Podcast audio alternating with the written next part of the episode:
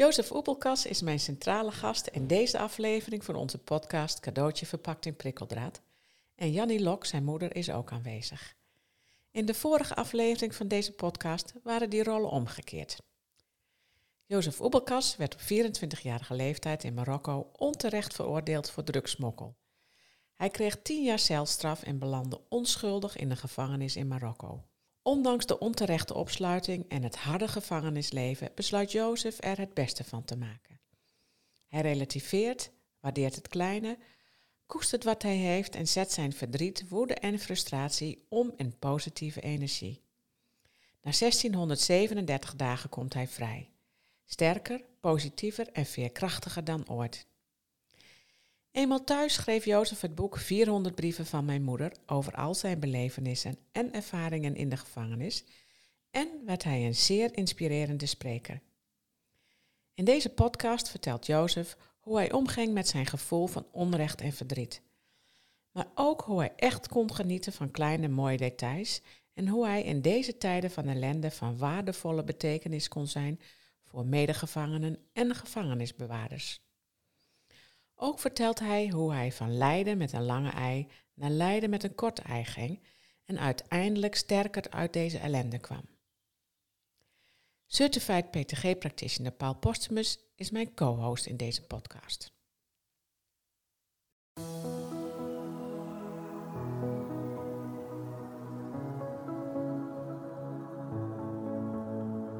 Dit is de podcast Cadeautje verpakt in prikkeldraad met Greet Vonk. Moeilijke tijden zijn ook cadeautjes, hoe lastig ze ook zijn. Helaas zitten ze wel verpakt in prikkeldraad. In deze podcast willen we je inspireren en kennis aanreiken, waardoor je een andere kijk krijgt op de ellende van jezelf of van iemand anders. Met als uiteindelijk doel om een completere versie van jouzelf te worden en of om dat proces bij de ander te ondersteunen.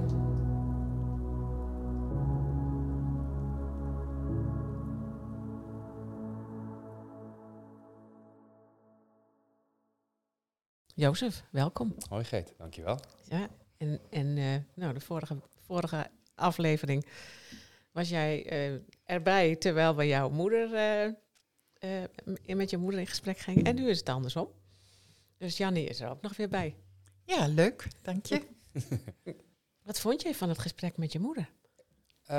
ik, vind het, ik vind het mooi om gewoon te zien ja, ik ben me er steeds meer van bewust geraakt, ook sinds ja, mijn vaderschap, uh, wat het voor haar heeft moeten betekenen. Uh, terwijl het zoveel eerst mijn verhaal was, terwijl ik me wel van bewust ben. Hè. Ik bedoel, het boek heet niet voor niets 400 brief van mijn moeder. Ik bedoel, ze staat in de titel van mijn boek en niet van, oh kijk mij, ik ben het slachtoffer. Of nee, dat ik me heel erg van bewust raakte tijdens die periode van, hé, hey, ik heb heel veel dingen wel als vanzelfsprekend ervaren dat mijn moeder er altijd voor me was. Dus wat dat betreft zie ik dat als echt moederschap, hè, nogmaals, hoe ik het zie. Want zij, in mijn beleving was ze er gewoon altijd. Hè. Weet je wel, ik wil mama als klein mannetje van 4, 5 jaar en mijn moeder was daar. Um, dat is zo mijn hele leven geweest, wat ik uiteindelijk ook wel als soort van vanzelfsprekend heb ervaren. Dat, dat ik nu als volwassen man terugkijk op mijn puberteit, dat mijn moeder heel liefkozend zegt van, goh, uh, je was eigenlijk helemaal niet zo lastig over het algemeen. Dat wil ik ook wel geloven. Maar ik kan me ook wel voorstellen. Ik herinner me nog wel een aantal momenten waarop ik redelijk lastig kon zijn, zeg maar, in mijn puberteit. En wie niet trouwens natuurlijk. Maar dat mijn moeder dat toch niet de boventoon laat voeren. Ehm, maar ik, ik, weet als geen ander nu van vandaag de dag dat niks, uh, en ook zeker uh, de liefde van de moeder, niet vanzelfsprekend is. Terwijl wel zou moeten zijn. Ja, zou je denken. Ja, zij vertelde hoe zij uh, met jou omging in die, in die tijd. Dat was soms wel heel duidelijk. Niet altijd fijn. Maar heeft dat jou wel gebracht wat jij ja, altijd zegt, dat je er veel sterker uit bent gekomen? Ja, 100%. En ik wil wel benadrukken dat um, vooral in het begin, vooral dat, dat waren de misschien nog de allerbelangrijkste brieven eh, in het begin. Omdat het begin het allerzwaarst was, inclusief natuurlijk die veroordeling. En net na de veroordeling. En ik weet nog dat mijn moeder ook schreef, hè, beschrijf je gevoelens heel nauwkeurig in een dagboek. Eigenlijk werd dat het aller, aller, allereerste doel. Hè. Ga gewoon een dagboek bijhouden. Hè, laat je hersenen werken.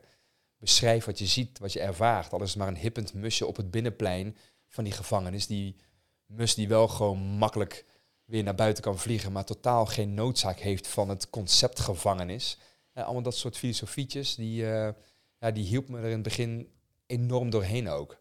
Het was pas later ook, toen ook na die tien jaar veroordeling, dat ik dus echt even, ja, mijn wereld was gewoon kapot. Mijn hele, alle referentiekaders, mijn hele leven, alles waar ik op had gebouwd, was gewoon weggevallen.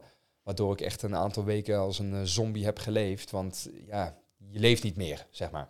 Ja, dat schrijf je, schrijf je ook, hè? Dat je, dat je ook die periode stukken gewoon niet meer kunt herinneren. Nee, dat is weg. Dat is, uh, dat is weg. Ik uh, weet alleen nog dat mij werd verteld dat mijn vonnis was vertaald vanuit het uh, Arabisch naar het Nederlands. Dat toen weer ja, het leven terugkwam in mijn lijf. Dat ik graag wilde weten wat er aan de hand was. En waarom ik überhaupt tien jaar zelfs had gekregen, wetende dat er onmogelijk bewijs kon zijn. Nou, dat was er uiteindelijk ook helemaal niet. Waarop mensen ook altijd zeggen, hè, maar kan toch niet zomaar? Ja, dat dacht ik dus ook. Blijkbaar kan het wel zomaar. Dat is de grootste desillusie in mijn hele leven geweest. Blijkbaar kan het dus zomaar. Um, en dat mijn moeder toen inderdaad wat strenger kon zijn als ik bij de pakken neer wilde zitten, omdat het nu gewoon was zoals het was. Er was toen nog hoop. Ik kom thuis, ik ga weer terug naar mijn leven. Die hoop was weg. Waardoor mijn moeder zei van, jouw kind, je mag daar verdrietig om zijn, maar nu is het wel even wat het is. En nu komt het erop aan. Want je moet het nu wel gaan doen. En dat was wel heel erg confronterend, maar wel ook liefdevol confronterend, want ze had gewoon gelijk, punt. Dat was ook zo. Dus dat was al een start van een proces geweest. Ja, nu is het inderdaad uh, aan mij. En niet alleen aan mij, maar ook, ja goed, mijn moeder en uh, de rest in de omgeving uh, natuurlijk. Wat was voor jou moeilijker? Het onrecht, en daar, nou ja, dat moeten accepteren, of het daar redden in de gevangenis? Daar accepteren dat je daar zit? Een hele goede vraag. Ik denk het aller, allermoeilijkste was het accepteren van uh, dat grote onrecht. Ik denk overleven, dat kun je altijd. Even heel, heel plat gezegd, waar dan ook, hoe dan ook, overleven doe je, punt. Maar het gevoel van dat je iets wordt aangedaan, terwijl de hele wereld weet en ziet dat dat niet heeft mogen gebeuren. Ja, dat, uh, oh, ik uh, krijg altijd nog een gevoel als ik nog die dames van de Nederlandse ambassade, mevrouw Kousenbroek en mevrouw Dassen, ik zal ze nooit vergeten en echt geen kwaad woord over die dames, want ze hebben, ze, het waren echt de liefste dames. Ze hebben heel veel voor me gedaan, waren aanwezig op het tribunaal. En mam, daar was je ook nog toen bij aanwezig hè, tijdens Ja. het hoger beroep. Ja. Dus, eh, en dat ze mij bezochten en dat ze letterlijk zeiden, wat mijn moeder ook in een vorige podcast zei, van ja, dat ze zich gewoon niet mochten bemoeien in de rechtsgang van het buitenland. Dat ik ook letterlijk zei, ja, hoe kan dit nou? Ik bedoel, de hele wereld ziet wie er echt achter zit. Hè? Alle gegevens waren bekend en niemand gaat er achteraan. Ah, dat, eh, dat voelde altijd nog een beetje, dat onrecht. En ik denk dat iedereen dat voelt. Sterker nog, ik heb de grootste criminelen meegemaakt in de gevangenis. Die eh, twaalf mensen hadden omgelegd, maar werden beschuldigd van die dertiende persoon. Maar nee, maar die dertiende persoon hadden ze echt niet omgelegd. En dan zou je denken, ja, wat boeit die dertiende dan weer? Maar nee, nee, nee, die twaalf, dat klopt. Maar die dertiende, Dat is onrecht. ja, ja, ja, ja, maar echt heel stom. Maar dat zit zo diep geworteld in één ieder van ons, denk ik. Ja, Ja. maar ook als ik jouw boek gelezen heb, dan heb ik al eens het idee dat je te dealen hebt met het onrecht, onrechtvaardigheid. Mhm. Dat dat heel moeilijk is. En als je dan weer een beetje eh, je leven een beetje daar dan eh, Mhm. een beetje weer op orde hebt en we gaan het, komt het onrecht weer opnieuw. Ja. En ik, dus ik heb het idee dat je het wel niet één keer moet verteren, Dat klopt. Dat zeg je maar mooi. elke keer opnieuw. Ja, dat zeg je wel mooi. Want dat is, het is niet, ja, dat zeg je heel mooi, Paul. Het is, het is niet alleen die veroordeling.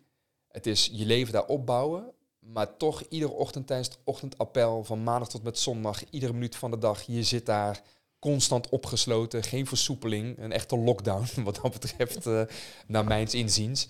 Ehm, en vooral die speciale dagen, dus de verjaardag van mijn moeder, mijn eigen verjaardag, kerst, oud en nieuw, hè, gewoon, gewoon de speciale dagen, eh, suikerfeest, noem het maar op. Ehm, vrienden die verder gingen met hun leven. Die carrière maakten, gingen trouwen, kochten een eerste huis of wat dan ook. Dat, die, die, dat bewustzijn af en toe. En dan vooral op die speciale dagen, ja, dan was het onrecht even, kwam even extra hard binnen. En dan was, dan was het ook gewoon geen fijne dag. En dat heb ik me ook toe moeten laten, ik dan ook gewoon verdrietig mocht zijn. Want we willen niet verdrietig zijn. Ja, maar goed, maar waarom niet? Je bent toch een mens? Je hoeft toch niet alles onder een tapijt te schuiven? Nee, weet je, daar was ik ook even goed verdrietig. En dan wisten mijn medegevangenen dan. En daar kreeg ik ook weer steun van, want iedereen snapte dat daar. En eh, soms eh, werd je geholpen door een brief van je moeder of eh, een bericht van andere mensen, hè, zoals Willem en nog veel, vele anderen. Mhm. Ehm, maar die moeilijke dagen, eh, kan je ook eh, voor de rest nog herinneren hoe je daar soms weer uitkwam? Wat voor jou keerpunt eh, kon zijn? Ik kan me nog een heel, heel goed moment herinneren. Dat was op, was op een vrijdagochtend. Net na het ochtendappel. Dat ik helemaal de peen had. Gewoon, gewoon, ik zat niet lekker in mijn vel. Slecht geslapen. Zoals iedere nacht eigenlijk. Maar toen even extra slecht. Word je dan wakker in die bende, rotzooi, ellende. Gewoon even helemaal geen zin. Gewoon dat. En ik weet nog goed dat de celdeuren open gingen. En dat er twee jongens eh, stonden. Met echt gewoon een met een vaal t-shirt, kapotte joggingbroek van die, van, die, van die halve schoenen, zeg maar. Die stonden daar in die celopening. Eh, en eh, en die waren om aan het wachten. Zeiden, Joseph, Fienekenta, Fienek, hè, waar ben je? Ik zei, ja, ja, ik ben hier en ik heb er even geen zin in, laat me met rust. Ze zei, maar, ja, maar, maar we wachten op je, we gaan toch sporten nu met z'n allen? En ik zie, ze ik zie ze nu nog zo staan. En ik zie hun gezichten, zo van, kom op man, kom op. We snappen het, het is soms even moeilijk, maar weet je wel, we zitten hier met z'n allen dat zij me weer even een stukje kracht teruggaven. Van ja, weet je wat, potverdorie, dat is waar ook. Eh, jongens, sorry, ik had het even niet. eh, ik, eh, ik leed me even om, maar ik kom eraan. Ik dank, dank jullie wel. En wat gebeurde er dan bij jou? Ja, nou ja, dan kwam er echt weer heel veel levenslust terug. Dan kwam er echt weer, weet je wel, ik bepaal dat deze dag er gewoon toe doet. Dus ik ga hier waarde invullen. En dit is nu even wat het is, maar ik bepaal wat deze waarde heeft. En ik ben hier, ik leef nu ook. Ik ben met die jongens hier. We gaan iets moois van maken vandaag. En op het moment dat je dat deed, ehm dat is een stukje invulling, maar Ja, voel je je dan ook echt weer stukken beter? ja. Om, om de- een soort Ja, ja. trots gevoel van jezelf van, hé, hey, ik stap er eroverheen. Ja. Dat voelt lekker. Dat voelt goed, want ik was van waarde. Eh, ik ben met die jongens daar, dus je bent echt van waarde. En dan maakt de omgeving even helemaal niks uit. Of het nou een werkomgeving is, een thuisomgeving, een gevangenisomgeving. Je voelt je ineens weer gezien, erkend, gewaardeerd. Ik denk dat iedereen dat eh, fijn vindt. Ja. Mooi. Wat ik ook, eh, wat me opviel, is, eh, da- vandaar ook de vraag, een, een mooi antwoord. Mooie vraag ook.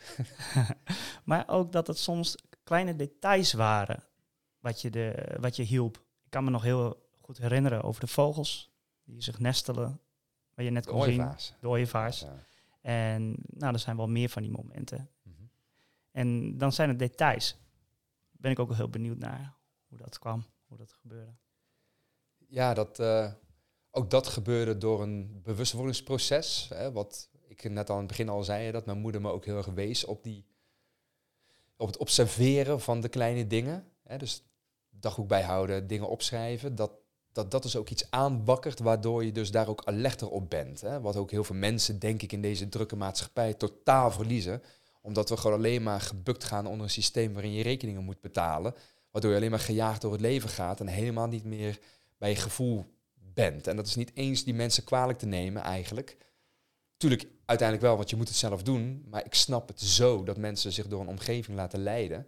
Dat dat uiteindelijk ook voor mij ja, het sleutelantwoord werd.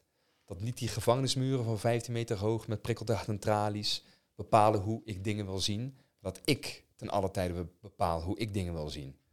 En ja, goed, en dan zo'n ooievaarsnest, dat het gewoon net boven de gevangenismuren uitpiepte. Ja, dat viel op. Dat zag ik en dat volgde ik. En dat waren mijn ooievaars geworden. En eh, ineens kregen ze vanuit het niets kregen ze twee jongen. Ik zal het nooit vergeten dat ik daar stond, gewoon weer even te turen. Ik zou echt gewoon twee van die kopjes gewoon er bovenuit steken. Dat ik echt uit spontaniteit, blijdschap, kinderlijke blijheid naar de cel liep. En die jongens erbij eh, haalde. Omdat ik zei van, joh, dat mijn ooievaars eh, kleintjes hadden gekregen. En ze kwamen ook allemaal kijken. En ik zie ze nog kijken van, oh ja, wat leuk. Oh ja, dat is wel mooi, hè. Ja, ja, dat. Ja. En dat, dat raakte mij ook, want er was ineens een tafereel van jongens met halve tanden, littekens. En ineens zag ik ook weer gewoon ja, het kind in zo'n mens ook. Ja, mooi. En, en dat allemaal na, naar aanleiding van de opdracht van, van je moeder van let op de kleine dingen. Ja, ga de gangen van een mier na. Ja, Ja. Ja, dus, eh, ja dat... eh, ja, het mooie is dat mijn kleine van 2,5, hè, dat ben je dat nu ook zo. Die, die, die, ziet, die ziet ook die kleine dingen. Hij ziet het kleinste van het kleinste, waar wij zo makkelijk overheen stappen. En dat, ja, raak, daar raak ik me ook weer van bewust, door hem ook weer. Nou ja, dat, dat, dat kind ook. En dat, dat zo'n kind, zo'n jochie, ik zeg nou tegen andere mensen ook, heb je ooit wel eens een kind horen zingen achter een kruiwagen vol met paardenpoep? Nou, da- dat is Benjamin. En die- ook die hele kleine, gewoon een beetje meehelpen. En die paarden, nou, die poepen. En dat, hij doet dat in zijn kruiwagentje, loopt te zingen. En nou, heerlijk die kleine dingen. Ik vind dat geweldig. Ja, Ja. En daar kun je dus heel veel mee. Ja, ik kan me ook voorstellen, het, en want ik neem aan als je Joost eh, sprak, dat je dit verhaal hoorde. Ik kan me voorstellen dat dat dan weer heel, heel veel hoop gaf en goed deed. Klopt dat? Ja, ja, ja, dat was een, een absolute wisselwerking. Zal ik eens even kijken of ik hem... eh, wacht, hier is die.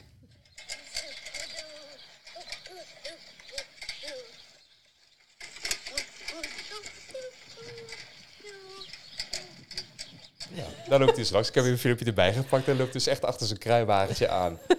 Met, eh, met paardenpoep, inderdaad. Prachtig. Ja.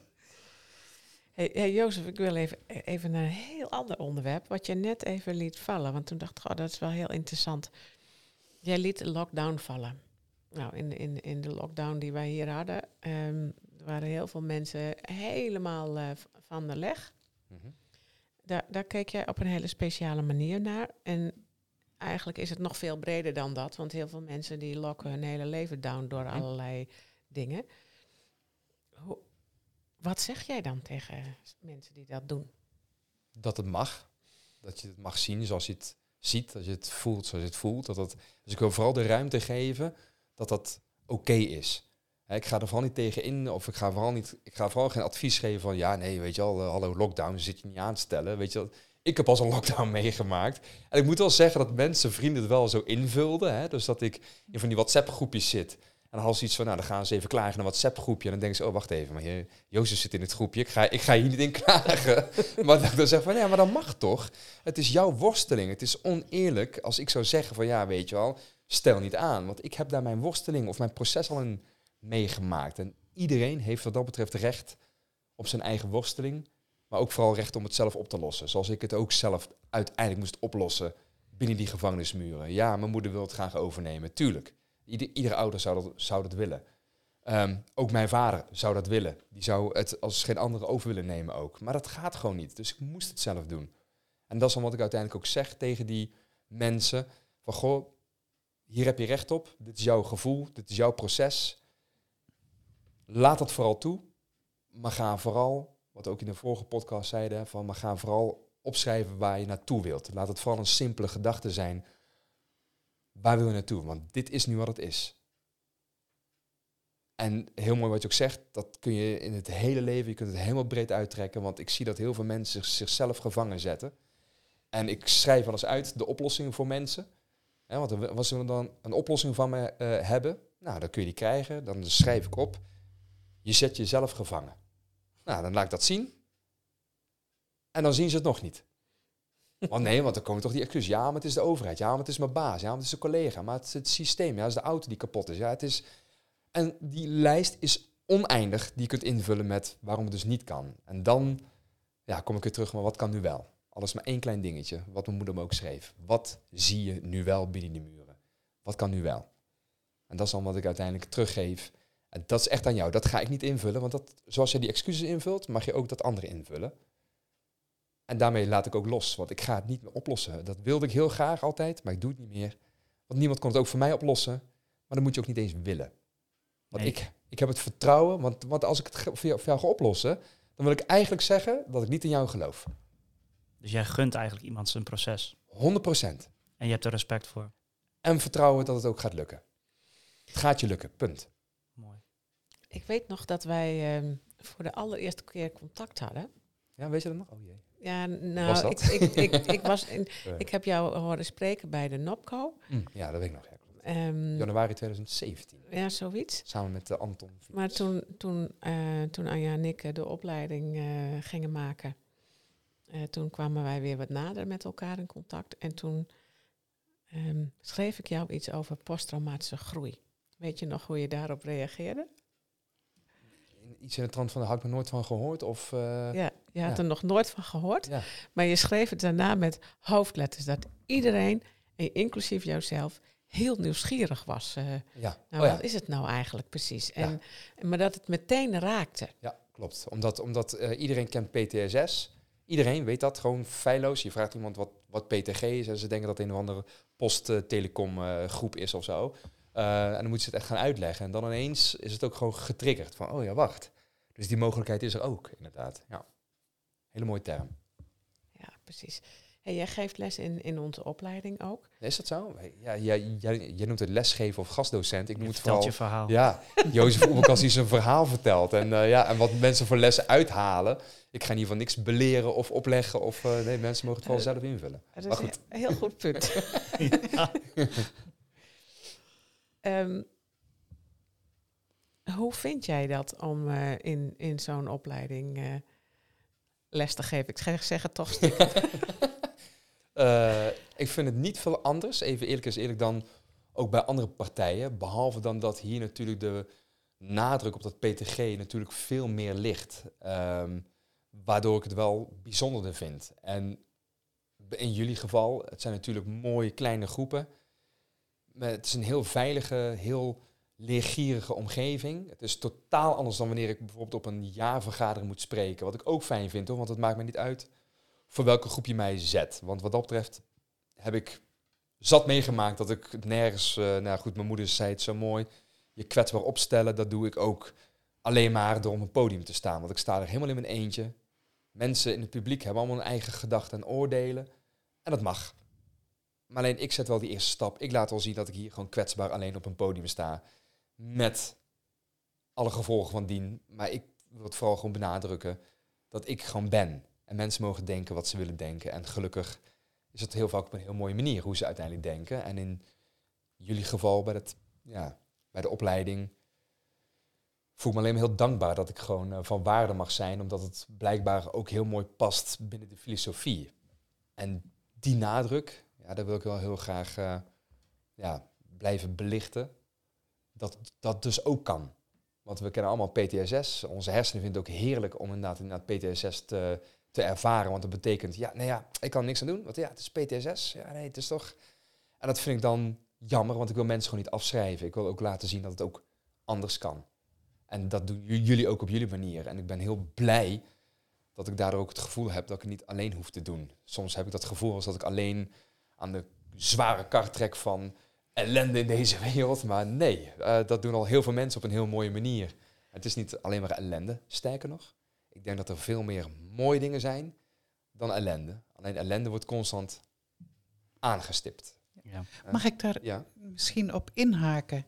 Kijk, als je, je kunt dingen heel groot zien, maar ehm, eh, hulp en verwerken, alle soort dingen al meer, goede dingen zien, hè, waar je het over had. Als je, je kunt het zien, je gooit een steentje in het water en er gaan kringen omheen. Zo.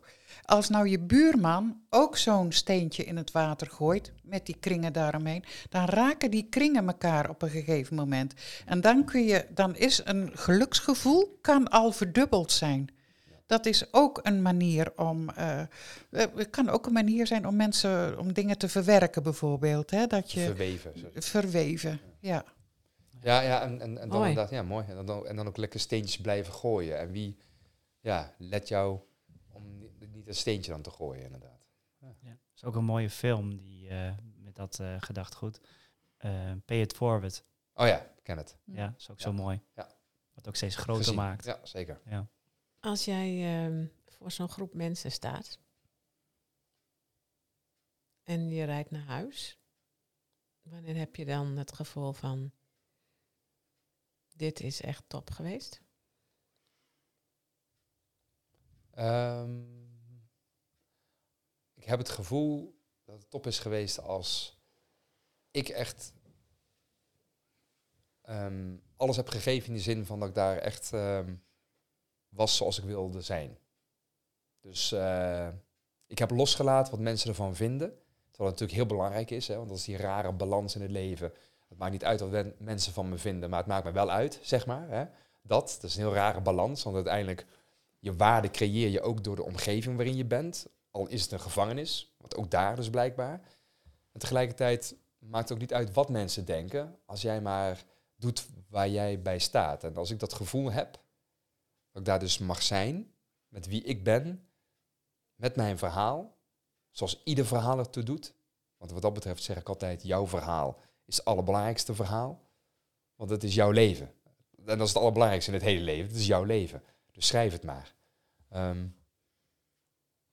als ik dan het gevoel heb van, ja, weet je wat, ik, eh, ik mocht er weer zijn. En dan is alleen maar de kerst op de taart. Als mensen naar me toe komen en zeggen, goh, dankjewel, het was mooi, het was prachtig. Of noem het maar op. Maar ben ik, dat is niet mijn doel. Tuurlijk wil je dat graag, tuurlijk. Dat snap ik. Maar dat is niet mijn doel. Mijn doel is echt dat ik daar sta, dat ik er ben. En dat ik er mag zijn. En als ik dat gevoel ook weer mee mag terugnemen, dat gewoon weer eh, ja, geslaagd was. Of dat ik daar was zoals ik wilde zijn. En dan, uh, dan ben ik blij. Ik vind het wel een mooi antwoord. Ik vind het ook een verrassend antwoord. Ja, wat had je verwacht? Ja, dat is verwachting, hè? Mooi. Ja, dat is, ja, dat is, dat is een verwachting. Nou, nee, niet, ik had geen verwachting, was heel benieuwd. Maar ehm, kijk, ik denk dat jij een verhaal hebt waar heel veel mensen iets aan kunnen hebben. Dan ben je dus eigenlijk. hoe, hoe belangrijk is dat voor jou? Ik had vanochtend een voorbespreking met Marcel Huisman. Ehm, die eh, zit op eh, oncologie, gynaecologie. eh, die doet heel veel dingen binnen de zorg. En hij vertelde mij, ik had eh, het programma De Verwondering weer teruggekeken. En ehm, hij vertelde mij letterlijk vanochtend nog, blijf dit doen. Want volgens mij heb je nog niet eens in de gaten voor hoeveel betekenis jij bent voor hoeveel mensen. Wat ik al alleen aan mijn kleine omgeving heb gezien. En ik denk dat hij helemaal gelijk heeft. Ik heb nog steeds niet het besef, echt het volle besef, wat voor betekenis het kan hebben of heeft op anderen. Ik denk dat ik dan nog steeds niet het besef heb. Moet ik dat? ook- Hm? Moet dat dan ook? Ja, nee, nee. Ik denk p- precies niet, niet dat dan echt per se nodig hoeft te hebben. Zo van dat ik als een soort van messiah zeg maar naar een eh, lezing toe ga en dan weet van, nou, ik ga hier levens veranderen. Nee, dat, dat dus helemaal niet. Maar dat ik denk dat het ook heel mooi is dat ik het hoor. Hè, Paul, jij zei het ook heel mooi op jouw manier. En dat raakt mij iedere keer weer. En toch is dan niet het besef van, oké, ik heb altijd nog een klein onzeker stemmetje, zelfs ik. Hè, want mensen, ik sta op podium en die hebben helemaal, die denken echt van, ja, die doet het zo makkelijk en natuurlijk.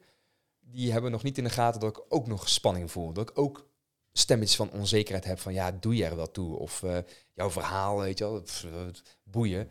Die, eh, die tijd dat je daar hebt gezeten of wat dan ook. Het kan altijd erger, ook ik heb dat nog steeds. Maar ja, als ik het dan zo terugkrijg, dan eh, ja, ben ik wel heel, ja, moet ik het zeggen? Verbaasd, maar vooral verwonderd en vooral heel dankbaar. Wat tof. Maar het, het zal nooit zo zijn, al, want ook dat krijg ik vaak terug, dat iemand tegen me zegt van, goh, het is zo'n mooi verhaal, dankjewel, je hebt me geholpen. Maar dat hoor je al duizenden keren waarschijnlijk, zie je, maar al hoor ik het een miljoen keer. Die miljoen eerste keer zal ik nog altijd blijven ontvangen met liefde, met dankbaarheid. Want wat tof, want jij zegt het wel als uniek mens. En je hoeft het niet te zeggen, je hoeft me niet te bedanken, echt niet. Daar ben ik niet op uit.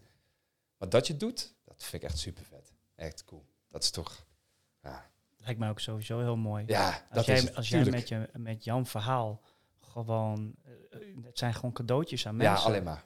En Ook als, zo. als zij hem zo ervaren als een cadeautje, Precies. hoe mooi is het dat jij die kan geven? Ja, te gek. Terwijl, terwijl ik het in mijn dus, optiek dus helemaal niet geef, maar als ze het wel dus zo ontvangen, dat vind ik dan mooi. Ja, dat is het. Ja, Ja. ja. Over cadeautjes gesproken. Deze podcast heet Cadeautje verpakt in prikkeldraad.